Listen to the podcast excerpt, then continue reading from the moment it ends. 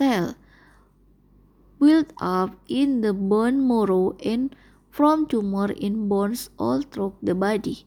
Multiple myeloma in also Kelly plasma cell myeloma and Kahler disease. Melanoma.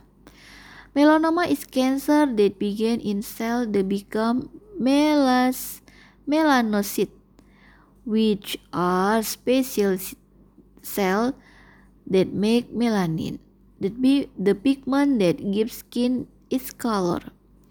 Most mela, melanomas from the from on the skin, but melanomas can also form in other pigmented tissue such as the eye. Brain and spinal cord tumor. There are different types of brain and spinal cord tumor. These tumors are named based on the type of cell in which they form and where are tumor first formed in the central nervous system. For example, an astrocytic tumor begin in star shape. The brain cell call it astrocyte, which help keep nerve cell healthy. Brain tumor can be benign and malignant. Other types of tumor, germ cell tumor. Germ cell tumor are the type of tumor that begin in the cell that give rise to sperm and egg. This, tu this tumor can occur almost anywhere in the body and, and can be either benign and malignant. Neuroendocrine tumor.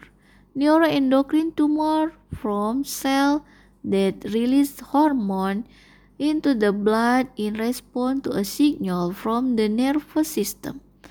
This tumor, which may make higher than normal amount of hormone, can cause many different symptoms.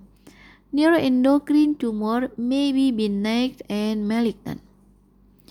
Carcinoid tumor. Carcinoid tumor are the type of neuroendocrine tumor.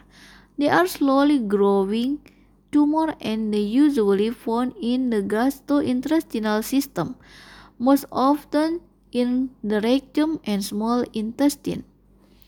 Carcinoid tumor may spread to the liver, to the liver or other site in the body and they may secrete substances as, such as serotonin or prostaglandins causing carcinoid system. Thank you.